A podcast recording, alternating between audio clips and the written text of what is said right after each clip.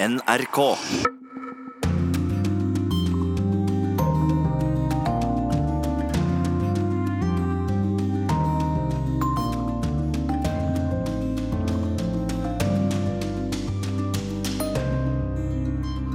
Det tok bare noen dager før 2020 ble farligere enn 2019 med USAs drap på en iransk general. Tre kloke tenkere er innkalt til Urix på lørdag for å snakke om framtida vår. Henrik Syse, Sverre Lodgaard og Olav Fykse Tveit. Korrespondentbrevet kommer fra Kristin Solberg, og vi skal ha førpremiere på den neste sesongen av podkaster med afrikanske fortellinger. Vel møtt til Urix på lørdag. Jeg heter eh, Tom Kristiansen. Det er snart hellig tre kongers dag, men det er ikke derfor jeg har invitert tre vise menn i studio. Filosof og forsker ved Fredsforskningsinstituttet Henrik Syse. Seniorforsker Sverre Lodgaard ved Utenrikspolitisk institutt. Og generalsekretær i Kirkenes verdensråd Olav Fikse Tveit. På Betlehemsmarkene den gang var det stjernen som lyste i mørket. Nå er det bomber som lyser og skaper mørke. Sist denne helga, da USA drepte den iranske generalen eh, Soleimani og gjorde Midtøsten farligere. Sverre Lodgaard, du er her nesten hver dag i slike tider, og nå venter vi på hevn og gjengjeldelse. Er det nå slik at Iran skal finne ut hvor mange de kan drepe og hvor mye de kan ødelegge, uten at USA går til krig? Er det sånn dette spillet er? Ja, det tror jeg faktisk er en uh, ganske bra oppsummering av situasjonen. Trump sier han gjorde dette for å forhindre eh, drap på uh, sine landsmenn i Irak. Og det sto til troende, fordi at i flere uker hadde jo partene utvekslet nålestikk og prøvd å svekke hverandre. Iran som regel på måter som gjorde det mulig å fornekte, benekte at det var de som hadde gjort det. Eh, men nå er det åpen konfrontasjon, og reaksjonen på dette vil jo sannsynligvis overgå alt hva amerikanerne prøvde å forhindre. Dessuten kan det skje at eh, Bagdad ber USA forlate Irak. Eh, det er godt tenkbart, og iranerne vil naturligvis jobbe for, for det. Og på toppen av det hele er det jo slik at Iran i lengre tid har frigjort seg fra bestemmelser i atomavtalen gradvis og forsiktig til å begynne med, litt alvorligere etter hvert. Og neste trinn kommer i, i neste uke. Eh, så er nok eh, iranerne, lederskap i hvert fall, eh, ganske overbevist om at Trump ikke vil, vil ha krig. Og det er for så vidt jeg også. Spørsmålet er da om de allikevel tøyer strikken for langt i sitt tilsvar. Slik at tilsagnene gjør det veldig vanskelig å hindre at ting kommer ut av kontroll. Det er problemet. Henrik Syse, dette spillet, du er en fredsforsker. Er dette barnehagens dramaturgi? Ja, Nå har ikke jeg lyst til å snakke ned barnehagen, for det skjer mye fint der. Så det kan være kanskje at man har noe å lære av dramaturgien som ligger der også, for der klarer man å bli ferdig med ting. Det er jo det vi er redd for nå, at vi har startet på et spill, eller ikke startet, men fortsatt et spill, Så det er veldig vanskelig å se hvor skal ende. Og at man har foretatt noe som går langt utover det som var forventet av den andre siden, det tror jeg. Jeg tror ikke Iran var forberedt på at man faktisk nå skulle gjennomføre dette angrepet mot Soleimani, og da føler de seg presset til å eskalere ytterligere. Så er det jo en spennende ting, dette er en uh, sending om fremtiden. Hva slags svar kan det bli? En av mulighetene er jo at de velger å svare via cyberrommet. Eh, man kan tenke seg et militært svar tilbake, et eh, kinetisk, altså et eh, rent fysisk militært svar. Man kan også tenke seg at man ønsker å eskalere på et annet felt. Uansett tror jeg ikke Iran ser for seg at man kan la dette ligge. Og da kommer Trump i et enormt dilemma, for på den ene siden så er det en av hans store saker at han ikke skal involvere seg ytterligere i Midtøsten, at han ikke skal involvere USA i ytterligere en krig, og så skal han være den sterke mannen som svarer tilbake. Drømmescenarioet er jo at det er dronene som bekjemper hverandre. Ja, det er ikke sant. Star Wars, uh, The War of the Clones, eller at det er rene maskiner som kjemper mot maskiner. Men uh, det tror jeg er en uh, drøm som kan utarte til et mareritt. Selv ikke en teolog som fikset Tveit tror på det. Nei, jeg tror jo at uh, krig alltid handler om at mennesket lider og dør. Og det, det, er det vi må unngå. Og Derfor må vi fortsette også i 2020 å jobbe for alle de gode relasjoner som kan forhindre krig. Du har jo kontakt med Iran? Ja, Kirkens Verdensråd har en dialog med et offisielt uh, iransk uh, dialogsenter. Det er en av de mange tiltakene vi mener er viktig for å, ha kontakt mellom folk. Men eh, dette er jo en spenning som du beskriver, Lodgaard, mellom USA og Iran. Men det er jo også spenninger internt i Iran? Ja, Det merker vi jo på forskjellige måter når vi har med Iran å gjøre. At eh, det er ikke bare ett regime der, det er jo flere. Og de er jo også i maktkamp, og særlig når det kommer til spørsmålet om religion og religionens rolle, og hvem som skal ha lov til å være der som religiøse aktører. Eh, fredforskeren, har han andre løsninger enn dem som diskuteres mellom Iran og USA? Jeg tror fredsforskeren vil si det samme som de to andre her, nemlig at denne dialogen er utrolig viktig. Og det kan høres litt sånn klisjépreget ut. Ja, ja, vi må snakke sammen. Men vi vet jo at det kan lykkes, og det er jo det som er noe av tragedien her. Nemlig med Iran-avtalen så hadde man faktisk en fot innenfor døren. Så kan man kritisere den avtalen og si at ja, men den gikk ikke langt nok, for den snakket bare om atomvåpen, og det var masse menneskerettighetsspørsmål og regionale spørsmål som ikke ble tatt opp, men den var med på å styrke en del krefter i Iran som ønsket dialog. Og det syns jeg er interessant at mange av dem som opprinnelig var kritisk til den avtalen i USA, da den først var på plass, så advarte de Trump så godt de kunne. Forsvarsminister Mattis er jo et godt eksempel på det. Du må ikke gå ut av den når vi først er kommet dit. Og det er vel noe av det som er frustrerende her, at Trump her har skapt problemer som var unødvendige å skape. Det er vanskelig dette forholdet til Iran, det vet ikke minst Sverre Lodgaard mye om, men man hadde tross alt kommet til en situasjon hvor en del ting hadde roet seg. Det er akkurat som å stikke hånden inn i et vepsebol når man ikke må det. Men det er en produksjon internasjonalt av monsterstater, altså den plakaten 'monsterstat', 'terrorstat', henger man opp her og der. Og Et annet monsterland enn Iran er jo Nord-Korea, som truer med atomvåpen. Men hvordan ser verden ut fra Pyongyang, Sverre Lodegård? De er isolert. De lærer frykt. Eh, for hva som kan skje dem. Eh, atomvåpnene er svaret eh, på den frykten for dem. Det er liksom forsikringspremien. Og man har jo lenge snakket om at man må få til en nedrustning i Nord-Korea. Altså fjerne nordkoreanske atomvåpen. Og det kan nok komme til å skje i en eller annen framtid. F.eks. i rammen av gjenforening mellom de koreanske statene. Eh, men eh, inntil videre eh, så står nå det beste i veien for det gode. Fordi at det man kan håpe på i nær framtid, det er jo at man får en avtale som legger lokk på, på våpnene, på atomprogrammet. Og hvis Trump vil ha en avtale ved inngangen til denne valgkampen, Eh, så tror jeg fortsatt han kan få det eh, i, i Nord-Korea. Jeg tror til og med vi kjenner liksom omrisset eh, om den avtalen. Pompeo, utenriksministeren, er en hauk, så han lyster ikke på dette. Men hvis presidenten ber ham om å forhandle frem en avtale, så tror jeg han kommer til å gjøre det. Og forestille dere så at atombyen Yongbyon jevnes med jorda, alt kjernefysisk fjernes og at det legges lokk på produksjonen av eh, våpenmateriale. Eh, motstykket må da være heving av, eh, av, sanksjoner, mye mer omfattende enn USA har gått med på til, til nå. Men eh, jevning av eh, Yongbyon med jorda i nærvær av inspektører og internasjonal presse, det kan Trump lage et stort show ut av. Eh, og det kan bli et eh, poeng for ham i, i valgkampen. Så det kan fortsatt skje. Eh, selv om det virker fastlåst i øyeblikket. Nå er det jo slik akkurat nå at ingen vil bli sett for å blinke først. Olav Fykse Tveit, Kirkenes verdensråd har en bakkanal til Nord-Korea.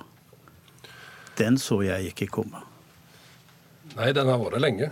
Eh, men eh, ikke så veldig hemmelig heller. Men det er jo en forsøk der vi har prøvd å bringe folk fra Sør-Korea og Nord-Korea sammen. Selvsagt har dette måttet skjedd utenfor Korea, men det har pågått i 30 år. Jeg har selv vært i Pyongyang to ganger i denne forbindelse, og møtt uh, nummer to i, i Nord-Korea begge gangene. Og De er opptatt av at det skal finnes, uh, om ikke mange, så noen få kanaler ut, som skaper en viss forståelse for deres situasjon og deres uh, synspunkt. Men for oss ikke minst at det er en relasjon mellom Nord- og Sør-Korea, mellom folk og mellom sivilsamfunn, som kan bygges på videre. Og dette vil jo sørkoreanske presidenten veldig at vi eh, satser på og fortsetter med. Og for tida er det kanskje vi som er en av de få åpne kanalene mot Nord-Korea. Sverre Lolga, hva er dette? Eh, det er én av noen flere, ikke så veldig mange, kanaler som nordkoreanerne bruker. Jeg vil tro både som en realitetssjekk Eh, men også eh, kanaler som kan eh, brukes til å sende signaler om hva de, hva de egentlig ønsker. Arbeidsmøtene i Stockholm, det siste i fjor høst, var jo også viktig i så måte. Dette brøt sammen. Vi vet hvorfor. USA foreslo at det jeg snakket om, eliminering av Yongbyon, som Nord-Korea i det første toppmøtet i og for seg aksepterte, Eh, og eh, stans av produksjonen av spaltbart materiale. Det skulle, det skulle, altså være én del av det hele, og så skulle USA heve sanksjonene på eksport av, av kull og import av olje for ett år. Det var naturligvis altfor lite. Og der ble de altså stående. Det andre toppmøtet, det var jo en fiasko. Eh, og etter det toppmøtet eh, så har det hele stått stille og i grunnen gått i vranglås. Det skal en del til for å åpne opp igjen eh, den døra. Fikse Tveit, hvordan er det for deg som en kirkelig, internasjonal kirkeleder å føre samtaler med et regime som bryter menneskerettighetene hele tiden og ganske grovt, og så gjøre miner til slettspill? Snakke om freden? Det, det, er jo en av de problemene som man står overfor hvis man vil prøve å ha relasjoner over stengte grenser. Da må man eh, si at eh, det er viktig å ha den relasjonen. Det er ikke en direkte relasjon med politisk ledelse. Det er, det er et, eh, et, statlig religionsvesen som eh, vi har kontakt med, og som har en viss kirkelig profil. Jeg har prekt to ganger i kirka deres i Pyongyang. Men de har si, sånn, de, de, har en vilje til å prøve å bygge en bro. Og den har vi tenkt den må vi støtte. Uten at relasjonene forandrer seg, så blir det ikke forandringer. Så blir det ikke fredsavtaler, så blir det ikke vilje til fredsavtaler. Og så blir det ikke forståelse heller politisk f.eks. i Sør-Korea og i Vesten for at dette må til, hvis man virkelig skal komme noe videre. Og Derfor har vi i Kirkenes Værnes også sagt at sånn, sånn som vi observerer, så, så det sanksjonsregimet som nå er, gjør det bare verre. Altså De blir bare enda mer faste på at de skal ikke gi etter. Og ikke forandre Syse, sine posisjoner. Syse, man må vel kanskje trykke djevelen i hånda hvis man skal drive internasjonalt fredsarbeid? Det viser seg, men man må ikke gjøre det på en måte som får det til å fremstå som om den andre ikke er problematisk. Altså Det er jo det som er mye av problemet i alle sånne dialoger. Det er hvor langt man skal gå i anerkjennelse. Norges forhold til Kina akkurat nå handler jo mye om det samme. Hvordan klarer vi å ivareta et vennskapelig, godt diplomatisk forhold, og samtidig kunne si ifra om ting vi ønsker å si ifra om. Og det henger jo sammen med en annen ting som jeg merker blir et dilemma for meg både som uh, moralfilosof og, og, politisk analytiker. Det er På den ene siden så skal vi faktisk stå fast på noen prinsipper som handler om demokrati og rettsstat og menneskerettigheter. Og Samtidig så må vi tenke det er ikke sikkert vi kjenner all hele sannheten. Det er ikke sikkert vi er sentrum i verden. Kanskje vi i større grad må klare å desentrere og tenke at nei, hvordan ser det ut fra Pyongyang? Hvordan tenker man om dette i Teheran? Samtidig er det problematisk igjen. For hvem er Pyongyang, og hvem er Teheran? da? Er virkelig det nordkoreanske folk Kim Jong-un? Nei, det er det ikke. Jeg vil tro at de fleste av dem, hvis de fikk et fritt valg, så ville de leve under et helt annet regime. Så dette her er genuint vanskelig å finne den uh, rette balansen. Uh, jeg tror likevel at uh, vi må holde fast ved det man gjorde i desember 1948, og skrive under FNs verdenserklæring om menneskerettighetene og si at det er noen grunnleggende prinsipper vi faktisk mener er globale, og som vi faktisk ikke kompromisser med, selv når vi tar den i hånden som bryter dem. Det vil jeg si at altså For oss er det veldig viktig at uh, vi ikke diskuterer om vi, om vi, skal stå på menneskerettighetene. Men det handler om er noen villige til å se på dette ut fra folks lidelser. Et splitta folk. Fortsatt er jo familier som, som, har folk på begge sider her, som ikke får møtes. Men også da det nordkoreanske folk, som, som i hvert fall nå lever under veldig trange kår. Og farlig trange kår. Så at det, eh, det er et spørsmål om hvem prøver å se det fra deres synspunkt. Og, og da har jeg lyst til å si at uh, vi, vi, religiøse ledere kan ikke alltid gjøre så veldig mye, men jeg har veldig tro på at informasjon og økonomi og folk-til-folk-relasjon sammen kan bygge andre bruer enn våpen og, og, og maktkamp kan få til. Du, du, sier, du sier religiøse ledere, men altså verdenslederne de er jo patriarkene, paven og deg. Ja, det er flere enn det. Det er noen muslimske ledere og det er noen jødiske ledere og mange andre som vi har god kontakt med. Men, men, altså, bare for å si det altså, Religion kan ikke løse alt, men religion må være med og bidra til å motivere for, for å satse på fred. Nok. Religion kan gjøre mye galt, og, gjøre, og det blir brukt til mye galt. Men det kan også være med å bygge noen broer som kan virke sammen med andre for en fredsprosess. Jeg mener en må være villig til å føre dialog uansett eh, hvor forskjellig den andre er eh, fra deg, fra deg selv. Og jeg er enig i det som Henrik sier i den, den, sammenhengen. Eh, selv har jeg bare gjort ett unntak, som jeg er meg bevisst, i hvert fall fra, fra, den retningslinjen. Og det var da den institusjonen som jeg har samarbeidet med i Iran, påtok seg å arrangere holocaust-konferansen. Ehm, eh, i 2006 eh, fant virkelig holocaust sted. Ehm, da sa jeg til meg selv ingen regel uten unntak. Eh, så da gikk vi sammen, utenrikspolitiske institutter i Europa, om å boikotte den institusjonen for noen år. Og Så ble det endring i ledelsen der, og så ble tidene andre, og så gjenopptok vi dialogen. Tida løper fra oss, men Henrik Syse må vise til en artikkel i New York Times siste uke som sier at i menneskehetens historie var 2019 eh, det beste året? Det kommer jo helt an på hvilket eh, ståsted man har, hvem man er. Jeg synes jo Noe av det viktige som kommer frem i samtalen, er å prøve å se det fra de menneskene som står nederst på rangstigen. Hvordan opplever de at dette året har vært? Men det har vært noen positive utviklingstrekk også. Jeg er jo så privilegert å få lov til å sitte i Nobelkomiteen og har fulgt nøye utviklingen i Etiopia. Der har man et eksempel på at det er mulig å dytte ting i riktig retning, og at det også er noen økonomiske indikatorer i verden. Men nå har jo ikke vi snakket om uh, klima, da. Og da har du en del ting som uh, peker i en annen retning uh, enn det positive. Ja. Ja, altså vi kan nevne Sudan. Hvem ville tro at det regimet kunne falle med en folkelig protest? Uh, og jeg vil jo si at altså Det at det, hele tatt, at det har foregått en reell dialog i Korea, mellom Sør- og Nord-Korea, og at den sørkoreanske presidenten har klart å skaffe seg et mandat for å drive dette framover, det er tegn som ok, de er, de, er, de er ikke like sterke, men de er fortsatt viktige tegn i tiden. Og Hvis man er i beita for gode nyheter, kan man jo ty til statistikk. Ehm, tilgangen f.eks. på grunnleggende helsetjenester, basiskunnskaper, eh, har blitt bedre. Der er forskjellene minsket. Men hvis vi går til høyere utdannelse og kvalifiserte eh, helsetjenester, eh, så øker forskjellene fortsatt. Og fremfor alt ehm,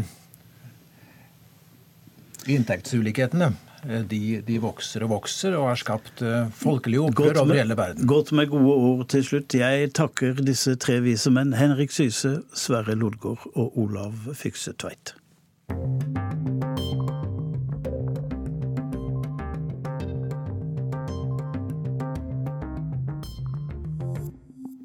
Så er det klart for ukens korrespondentbrev fra Kristin Solberg. Hun har fulgt de store protestene i Libanon og Irak siden i fjor høst. Kanskje er det den andre arabiske våren. Demonstrantene er lei av korrupsjon, manglende jobbmuligheter, vanstyre og innflytelsen til utenlandske makter, deriblant Iran, i deres land. Dette er ikke ufarlig. 400 demonstranter er blitt drept av militser og sikkerhetsstyrker i Irak. Korrespondentbrevet er skrevet i to byer, Beirut og Bagdad, og Kristin Solberg vil finne ut hvem er de? Når jeg er i protesten i Bagdad, hører jeg Vi er de som har kjøpt gassmasker og hjelmer for å beskytte lunger og hode fra tåregass og skarpe skudd. Vi er de som mistet en bror eller en venn som var med en fetter da han ble truffet i hodet av en tåregassgranat, som så livet ebbe gradvis ut av ham mens han ropte på sin mor og sin sønn. Vi er de som danset i gatene da statsministeren gikk av. Vi vaiet flagg og sang nasjonalsangen, men vi vet også at det ikke er nok, for en statsminister kan erstattes av en annen, mens våre liv forblir like vanskelige. Vi er den ferdig utdannede advokaten som ikke har fått jobb på to år, og som nå står over Tahrir-plassen med et flagg som er så enormt at det ser ut som det vaies i slow motion. Vi er videregående-eleven som har sluttet på skolen fordi han vil protestere, for han ser ikke noe poeng med å studere likevel når det ikke finnes jobber. En venn søkte jobber i syv år uten hell, så han har kjøpt et stort irakisk flagg som han har knyttet rundt skuldrene, og han føler seg stolt over dette landet for første gang. Vi er moren som forsøkte å overtale sønnen til å ikke protestere, men som fikk til svar at han bare hadde 40 kroner i lomma og ikke penger til klær, bleier eller mat, og at han egentlig ikke hadde noe annet valg enn å demonstrere. Så, noen timer senere, var vi moren som ringte sønnen, og en fremmed tok telefonen og sa at gutten hennes var drept. Vi er tuk-tuk-sjåførene som blir kalt revolusjonens helter, fordi vi frakter skadede til feltsykehusene. Noen av dem hinker ut av tuk-tukene våre med bare en vrikket ankel, andre må bæres livløse, med hoder og armer som henger og slenger. Vi er kvinnen som ringte ektemannen da han protesterte for å fortelle at sønnen deres hadde fått en brannskade, men som fikk til svar at mannen ikke hadde penger til sykehusregningen. Alt han kunne gjøre, var å fortsette å demonstrere. Vi er mannen som kjempet mot IS i årevis, på noen av de verste stedene i hele landet, som risikerte livet på vegne av myndighetene, men til slutt var det myndighetene selv som drepte ham med en tåregassgranat som traff ham i hodet. Vi er de som ikke skjønner hvordan Irak kan ha så mye olje og ikke engang ha nok strøm til alle. Vi er de som er lei av at andre land blander seg inn i våre affærer slik de har gjort i flere tiår. Vi er han som lovte sin drepte bestevenn å fortsette å protestere, helt til det blir reformer, eller til han selv blir drept, en av de to, avhengig av hva som skjer først. Når jeg er i protester i Beirut, hører jeg. Vi er de som studerer på universitetet, vi tar bachelorgrader i markedsføring og biologi, engelsk og fysikk, men vi sliter med å få jobber når vi er ferdige, og vi kjenner alle historier, som den om advokaten som måtte jobbe på Duncan Donuts på Martyrplassen der vi nå står. Vi er de som er lei av at landet styres av politikere som var krigsherrer under borgerkrigen, eller av deres sønner. Folk som bryr seg mer om å sikre egen makt og velstand enn å bedre hverdagen for oss. Vi er de som fortvilt forsøker å forlate landet, for her finnes ingen muligheter. Vi skaffer oss jobb i Dubai, statsborgerskap i Frankrike eller familiegjenforening i Montreal bare for å komme oss bort. Hvis vi har penger til det, drar vi til USA for å føde barna våre, så de i det minste skal ha muligheten til å dra. Vi er de som har satt planer på vent. Planer om familie, planer om å starte egen bedrift eller planer om å studere. For alt er uvisst nå. Vi er de som klokken åtte hver kveld går ut på våre balkonger og slår på kasseroller for å vise alle at vi støtter demonstrasjonene. Vi skaper vår egen revolusjonssymfoni som strømmer ut fra slitne høyblokker på alle sider av gatene, og vi står der og slår og slår og merker ikke engang om vi blir slitne i håndleddene.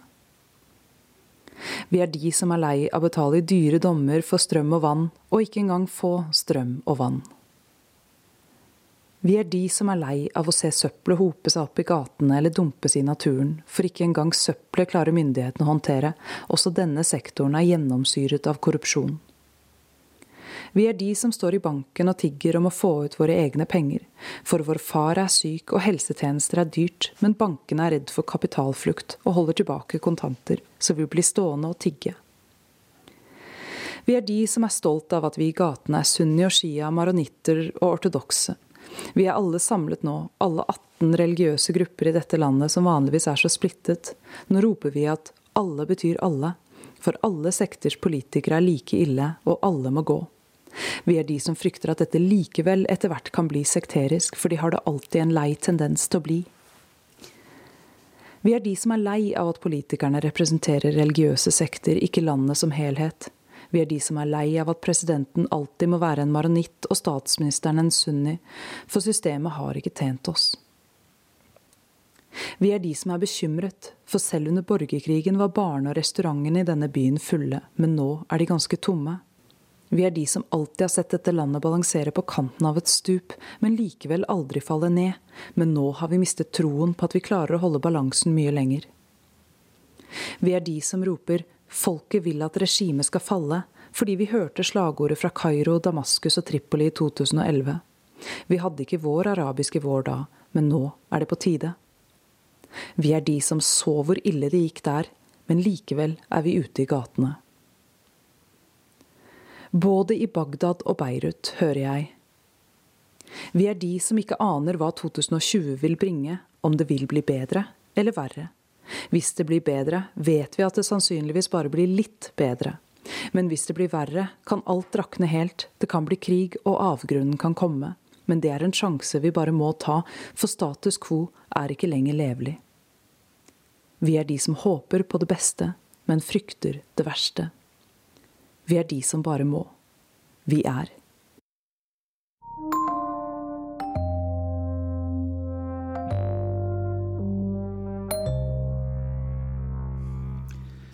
Neste uke starter en ny sesong av podkastserien Toms afrikanske fortellinger.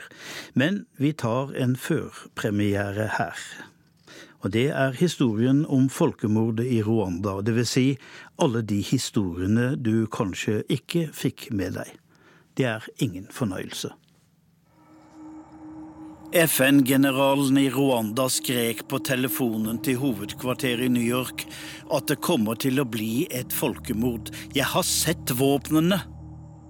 Men sjefen for FNs væpnede styrker, plassert i høyblokka i New York, svarte foreta deg ingenting. Toms afrikanske fortellinger.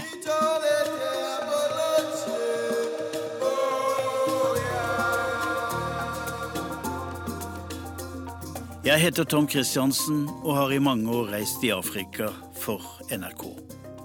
Jeg har samlet hendelser og historier. Jeg var korrespondent og rapporterte daglig om godt og dårlig nytt. Jeg har en fortelling om helter og svikere.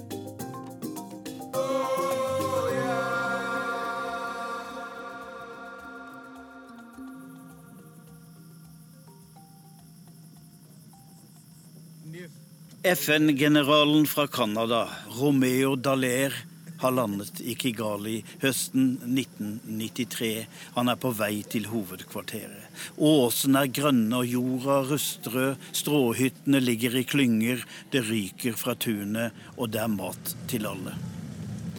General Dallaire er her for å skape fred. 2500 internasjonale soldater.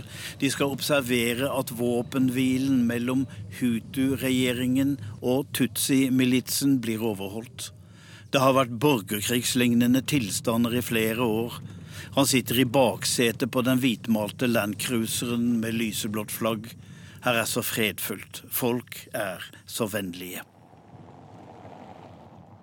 Romeo Dallaire, generalen med den hvite, strie barten og FN-beretten på snei, han vet ikke at det bare er et halvår igjen til folkemordet. FN-styrken kommer fra hele verden. Her er arrogante belgiere, en gang herrefolket i Rwanda. Soldatene fra Bangladesh mangler det meste. No lighting, nothing. We had to bring the tables and chairs. Utstyret ble fraktet fra havet til Afrikas indre. Det mangler reservedeler, vindusviskere, seter og radiosamband.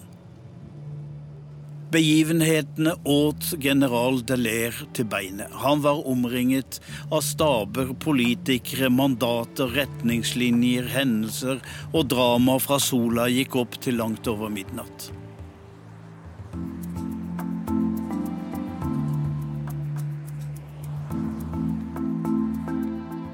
Jeg har tråkket i Delairs fotspor etter at folkemordet var over. Rwanda, dette lille, overbefolkede landet mellom Kongo, Tanzania og Uganda, midt i Afrika, uten kyst. En Unicef-rapport fortalte at sju av ti mennesker i dette landet har sett noen bli drept. Så jeg teller. Én, to, tre, de har ikke sett noen dø. Fire, fem, seks, sju, åtte, ni, ti har sett noen bli drept, de fleste med kniver, økser og macheter. Hvordan kan de komme seg videre i livet? Jeg ser også på nesene deres. Noen har en flat afrikanese, andre et smalt og høyt aristokratisk nesegrev. Det var det som var forskjellen på hutuer og tutsier.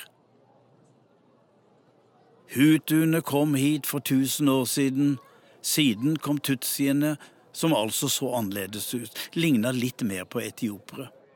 Men så har de gjennom generasjoner giftet seg med hverandre. Tutsiene er kvegeiere, hutuene småbønder. Rikdom ble tellet etter buskapens størrelse.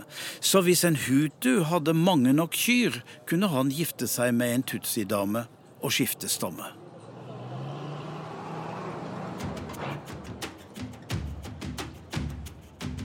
Belgia hadde vært kolonimakten. De satset på tutsiene, selv om de utgjorde mindretallet. De fikk utdanning, stillinger og posisjoner. På ID-kortene sto det navn, alder og tutsi eller hutu. Helsepersonell målte nesenes bredde for å klassifisere befolkningen. Det skapte ondt blod. Hutuene kalte dem innflyttere. Siden fant de et annet ord for tutsier kakerlakker. I 1973 begikk hutuene statskupp. Juvenal Habyarimana tok makten og gjorde Rwanda til et diktatur. Nå var det hutuer som satt i alle posisjoner, og tutsier ble undertrykket. Det var en hevn, og den var blodig. Tutsier ble slaktet som sitt kveg. Hundretusener dro over grensen. En av dem som dro, var Paul Kagame. Han var to år og fulgte sine foreldre til Uganda. En smart gutt, flink på skolen, god disiplin. Han ville bli soldat, og det skal ta 17 år før vi første gang hører om ham. Det var en merkelig historie.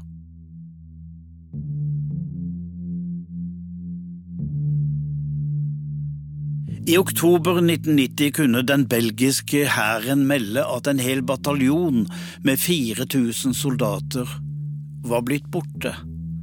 Brakkene sto forlatt, og bilene var vekk, våpendepotet var tomt, de forsvant om natta og frokostbordet sto urørt. Lederen, som var landets etterretningssjef, var også borte. Han var Paul Kagame, og nå kommer det for dagen. Hele bataljonen besto av tutsi-flyktninger som var kommet hit fra flere land.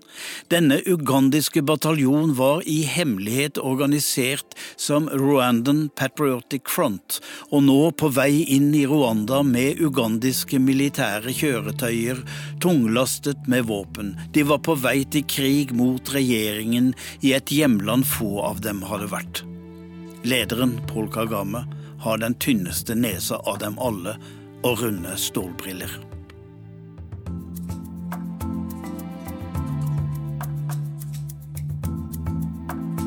Det gikk ikke så bra. Regjeringen i Kigali ba om forsterkninger fra europeiske venner, og Frankrike sendte 1000 fallskjermjegere, etterretningsoffiserer og elitesoldater. Belgia mobiliserte 400 mann. De sto i blodige slag mot Tutsi-hæren til Paul Kagame. Landet trengte våpen, men få ville selge geværer til et diktatur. Egypt lot seg likevel overtale, for kontrakten var stor, 36 milliarder kroner, du får mye skyts for det. Krumtappen i våpenhandelen var Egypts viseutenriksminister, han har du kanskje hørt om, Butros Butros Ghali. Året etter ble han FNs første afrikanske generalsekretær. Det er tre og et halvt år til folkemordet, og de spredte kampene mot Tutsi-militsen blir flere og flere. Den internasjonale flyplassen i Kigali har vært selve navlestrengen i folkets håp om å overleve. I uker har FN og humanitære hjelpeorganisasjoner fløyet inn mat, klær og medisiner. Jeg har hørt på rapportene mine fra den gang. Det var bloddryppende fortellinger om etniske sammenstøt, og lytterne syntes det var moro at de het hutuer og tutsier. Det var liksom helt Afrika. Så ble det våpenhvile. Presidenten, hutuen Habiyarmana signerte avtalen sammen med Tutsi-kommandanten Paul Kagame. De skulle holde fred og danne en samlingsregjering og FN danner sin fredsstyrke UNAMIR og sender Romeo Deler til Kigali. Vi er kommet til oktober 1993, og det er seks måneder til folkemordet. Daler ser at våpenhvilen ikke overholdes. Hver dag er det sammenstøt som ingen tar ansvar for, og så skrur han på radioen. Han lytter til den nye radiostasjonen som sender lokal popmusikk, og som er kjent for mye humor og kvikke programledere, men så får han noen til å oversette hva de sier innimellom på kinyarwandisk. Han blir fortalt at hutuer kaller tutsier for kakerlakker, og nå hører han det selv. They stole our land. They whipped us. They are cockroaches. They are murderers. Rwanda is our Hutu land. We squash the infestation. This is RTLM, Hutu Power Radio. Dette er en beskjed til alle kakerlakker som hører på. Dere er ikke virkelige rwandere. Alle er ute for å nedkjempe kakerlakker, fra offiserer til ungdom, voksne, kvinner og menn. Så dere skjønner, kakerlakker har ikke en sjanse.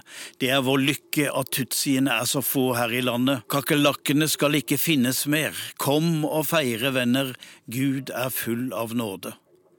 Og så hører Daler en programleder som legger til hvis vi utrydder alle kakerlakkene, er det ingen som kan dømme oss. Hvis ikke, ja, da risikerer vi å bli drukna i Kiwi-sjøen. Radio Televisio Libre Mil Colin, hatradioen eid av presidentens familie.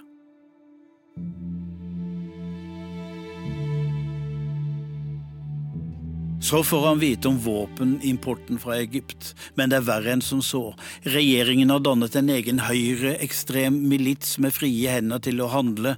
Han må stave navnet for å få det rett. Interrahamve. Og hva betyr det? De som slåss sammen.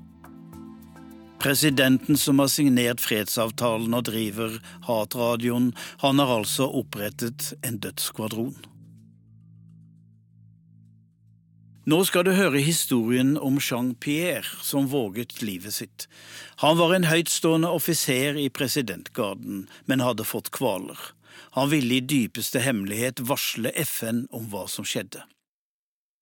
I det siste hadde han vært instruktør i ungdomsmilitsen Interahamve. Han skulle bygge opp smågrupper av ungdom i landsbyene, de utarbeidet lister over tutsier, og når timene var inne, skulle de angripes. Ikke Kigali skulle ungdommene i løpet av 20 minutter rekke å drepe 1000 tutsier. Ville de klare det? Det var det de trente på. Jean-Pierre var trent til å forsvare landet, ikke henrette naboer.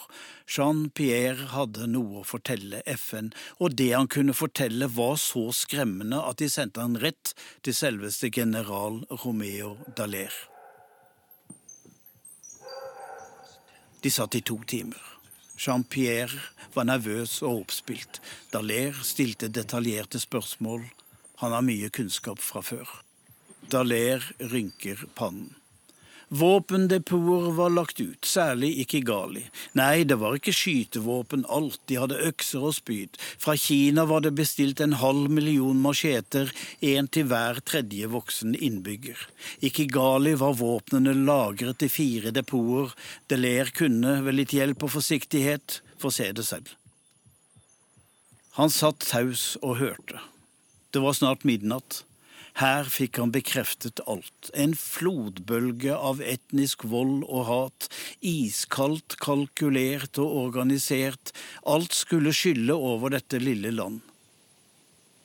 Han hadde ikke god tid. Våpenlagrene måtte lokaliseres og innholdet beslaglegges for å stanse blodbadet som skulle komme.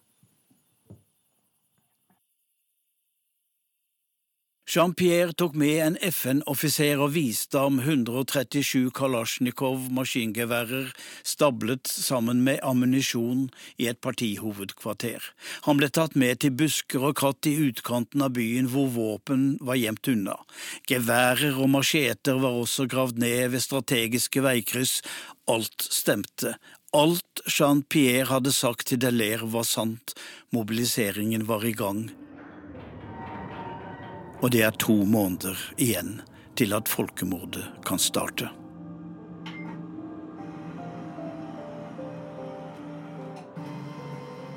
Tirsdag 11. februar 1994 sender Delair en kodet melding til FN-hovedkvarteret i New York, adressert til generalsekretærens militære rådgiver. Det var ikke tjenestevei, men han tok ikke sjansen på at beskjeden skulle bli borte på veien. Delair beskrev våpenlagrene og fortalte om tusen tutsier som skulle drepes på 20 minutter, listene, guttegjengene over hele landet. Deler ba om lov til å beslaglegge alle våpnene, og så sluttet han telegrammet som en poet. Der det er vilje, fins det en vei.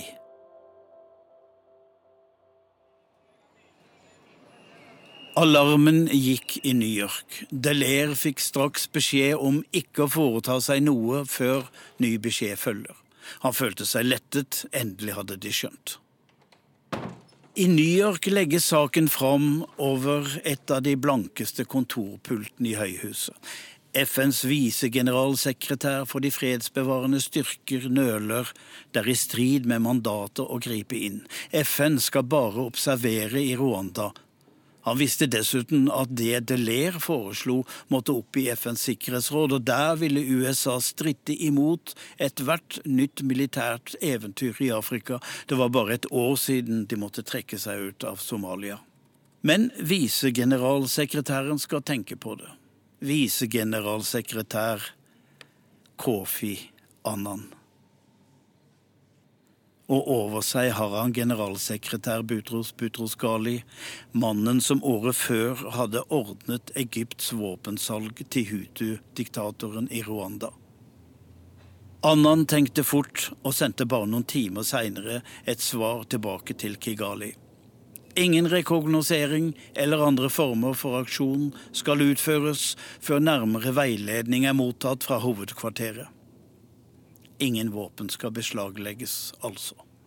With 2,500 soldiers, Kofi Annan informerte ikke Sikkerhetsrådet og fortalte ikke generalsekretæren om hva som holdt på å skje i Kigali. Han trøstet seg med at det skulle holdes nye fredsforhandlinger.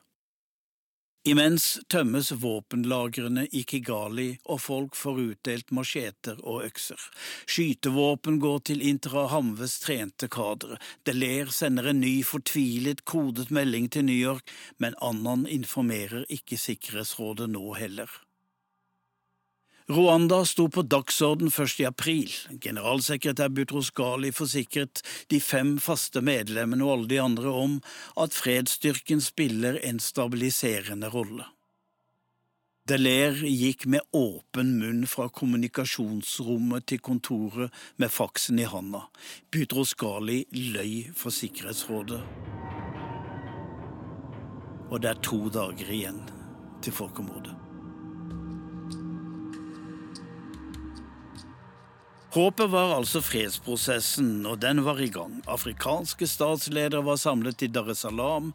Det ble nok en nedtur for president Habyaramana, så han vendte hjem samme kveld. Jetflyet gled stille gjennom natten, så sirklet det over flyplassen i Kigali og gikk inn for landing. Da avfyres to raketter. Begge treffer flyet, som styrter i presidentens egen hage. Deler får beskjed om at det har vært en eksplosjon ved flyplassen. Han går til sengs og vet ikke at folkemordet er i gang. Flystyrten og presidentens død var startsignalet. Meldinger går til hele landet. Ta fram våpnene og gå til veisperringene. Start husransakingene, følg listene og slakte kan begynne. Først soldater og Interahamwe. Men så inviterer hatradioen alle til å delta. Husmor, du vet hva du gjør med en kakerlakk? Så meldes det om massakre. Først i Kigali, siden i andre byer. Men folkemord er det ikke. Noen journalister tok seg fram til hovedstaden. De rapporterte om FNs politiske vanskeligheter, drepte FN-soldater og tilbaketrekning. De så mange lik, Men først etter at folkemordets hundre dager var over, gikk det opp for verden hva som hadde skjedd. 800 000 mennesker drept på 100 dager. Det rakk aldri Adolf Hitler.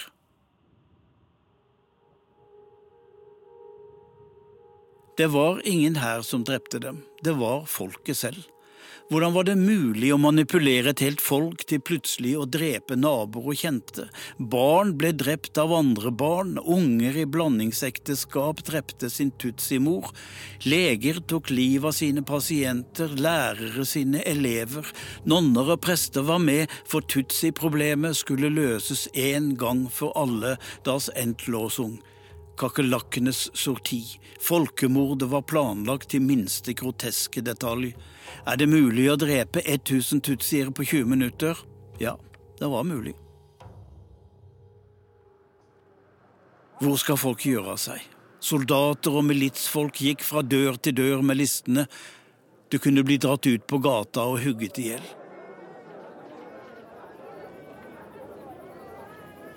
Oppe i åsen lå byens stolthet, de tusen åsers hotell. Tutsier rømte nå til det inngjerdede Hotell de Milcolen, og alle slapp inn. Hotelldirektøren stengte porten for politi og soldater, og bestakk hutu-soldater med penger og brennevin. Til gjengjeld fikk hotellet mat og drikke til 1200 forskremte. De kokte maten selv, men etter hvert ble det så ille at de drakk opp vannet i badebassenget. Det var skremmende å bo på dette hotellet årene etter folkemordet. Jeg tenkte på all den skrekken som bodde i veggene. I resepsjonen sto fortsatt Pasa. Han bodde ute ved flyplassen den gang, men rakk ikke hjem. Det var han som passet på at feil folk ikke kom inn. Først etter folkemordets hundre dager kunne han dra hjem til familien, men der var det bare lik, kona og ungene. Pasa fortsatte likevel som resepsjonssjef og ønsket meg velkommen. Han sto der som et levende monument over en heltegjerning i denne galskapens tid. Sju uker ut i folkemordet farer en hvit landcruiser på dårlige veier. FN-flagget vaier nøytralt, men pass på, for her går mannen med ljåen over veier og lik. Det er Romeo Daler selv som sitter bak rattet. FN-generalen. I bilen er de væpnet med maskingevær og revolvere. Det henger en stank over landet. Lik er stablet, lagt i hauger, gravet ned. Ennå skal dette marerittet vare i fem uker til. Han skrur på hatradioen. Gravene er bare halvfulle, hører han. Hvem skal fylle dem opp? Programlederen er ikke edru. Deler kjører med lukkede vinduer for lukten av råtnede kropper. Området er beryktet for sine skarpskyttere. Dette var fredelige åkerteiger for bare noen uker siden. Nå er nesten ingenting tilbake. Da ser de en unge krysse veien. Tre år, kledd i en fillete T-skjorte og revnet kortbukse. Håret er hvitt av støv og skitt, han sutter på noe som ligner en BP5, høyenergikjeks fra en hjelpeorganisasjon. Hvor har han fått den fra? Deler går ut og nærmer seg ungen forsiktig. Han har sett så mange barnelik her, hugget i hjel, skåret i biter, løse barnehoder, og her kommer dette vesenet over veien. Han ligner en engel. Da rasler det i blader, og en velutstyrt barnesoldat viser seg. Han peker på Deler med geværet, han gjenkjenner FN-uniformen og gjør militær hilsen. Han tilhører RPF, Kagames Tutsi-milits. Han er i en fremskutt posisjon som speider og etterretningssoldat, men han er bare 15. Imens løper treåringen av gårde, og de følger etter. De ser ham krype gjennom åpningen til ei stråhytte. De snubler etter og må venne seg til mørket. Lukten av råttent menneskekjøtt får magen til å knyte seg, alt vil opp. Hytta har to rom, et kjøkken og et fellesrom. To små vinduer er hulet ut av murveggen, men ikke mye lys slipper inn, og nå kan det ler se. På gulvet ligger en mann og en kvinne, begge er drept. Ved siden av ligger også to barn. Hvite knokler er synlige der huggene har rammet. Huden er som et skinn noen har trukket over skjelettet. Da ser Deler barnet. Han har satt seg ved siden av sin råtnende mor. Kjøttbiter faller av kroppen. Varsomt tar han gutten og går ut. Han kjenner kroppsvarmen og faller til ro. Der bestemmer han seg for å berge denne ungen. Dette skal bli hans fjerde barn. Riktignok har han blitt enig med hjelpeorganisasjonene om at ingen skal ta med seg eller adoptere barn fra Rwanda, men har han noe valg? Barnesoldaten avgjør. Forsvinn, ungen er vår. Barnesoldaten marsjerer ungen rett inn i bushen.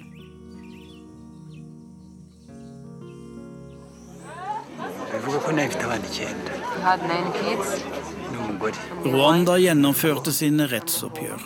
Folkedomstoler med stammens eldste tok fatt i 800 000 fengslede skyldige. De verste ble dømt i en egen FN-domstol i Arusha.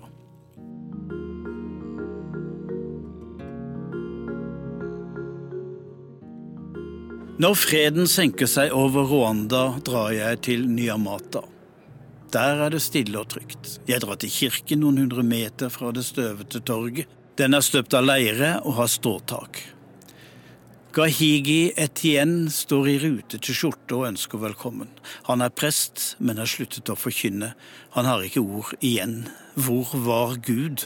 Hele hans familie, kone og barn ble drept, og han som drepte dem, han setter seg nå ved siden av ham på benken. Jeg blir urolig og vet ikke hvordan jeg skal tolke deres smil, men jeg er her for å spørre. Did you kill the whole family of the priest? Drepte du virkelig hele familien til din egen prest? Ja, vi, vi var som dyr. Vi hadde ikke vett og forstand, svarer han. Ja, det var meg som drepte dem. Han hadde kyr og mye fint i huset. Jeg var sulten og tenkte det var greit å ta. Regjeringen hadde sagt at vi kunne drepe tutsiene, og vi tok alt som fantes. Det viktigste var å få vekk tutsiene, så vi kunne ha alt for oss selv. De andre på laget hjalp til, men det var jeg som var lederen. Jeg brukte macheten selv. De to første tok jeg kvikt. Jeg var som en gal mann. Presten har hørt det før og tier. Så sier folkemorderen. Drømmen er at ungene mine en dag skal kunne leke med ungene til presten. Og jeg lurer. Har han glemt at de fem prestungene har han jo drept?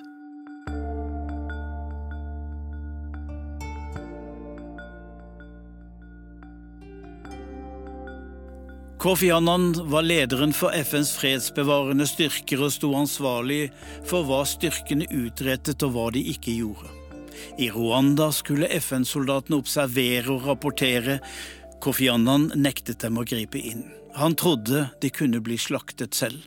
Etter angrep på FN-soldatene trakk styrken seg helt ut. Tre år etter folkemordet ble han utnevnt til FNs generalsekretær. I thank the members of the Nobel Committee for this high honor. Sju år etter folkemordet fikk han fredsprisen. Nobelkomiteen skrev at den eneste farbare vei til fred og samarbeid globalt går gjennom FN. Ingen symboliserer håpet eller representerer denne realiteten bedre enn FN.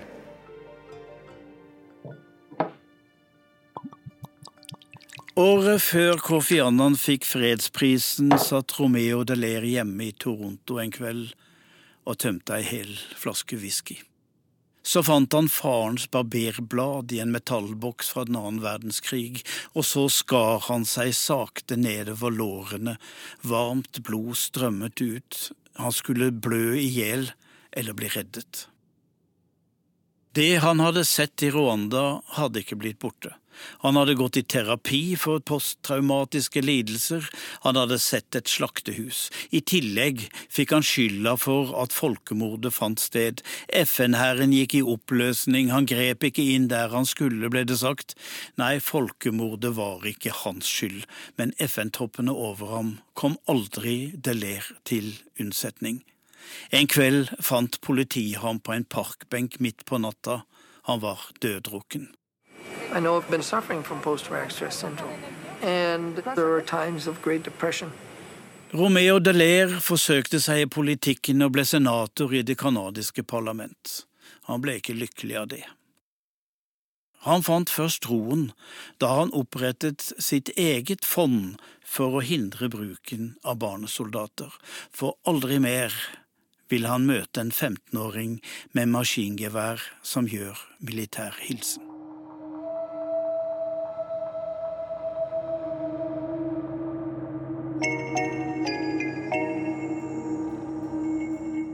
Klipp og lyddesign var ved Lillian Grønning. Musikken var komponert av Marius Kristiansen. Urix på lørdag setter strek. Teknisk ansvarlig Stein Nybakk og produsent Tom Ingebrigtsen. I studio Tom Kristiansen. Dette er min siste Urix på lørdag etter 40 år i NRK.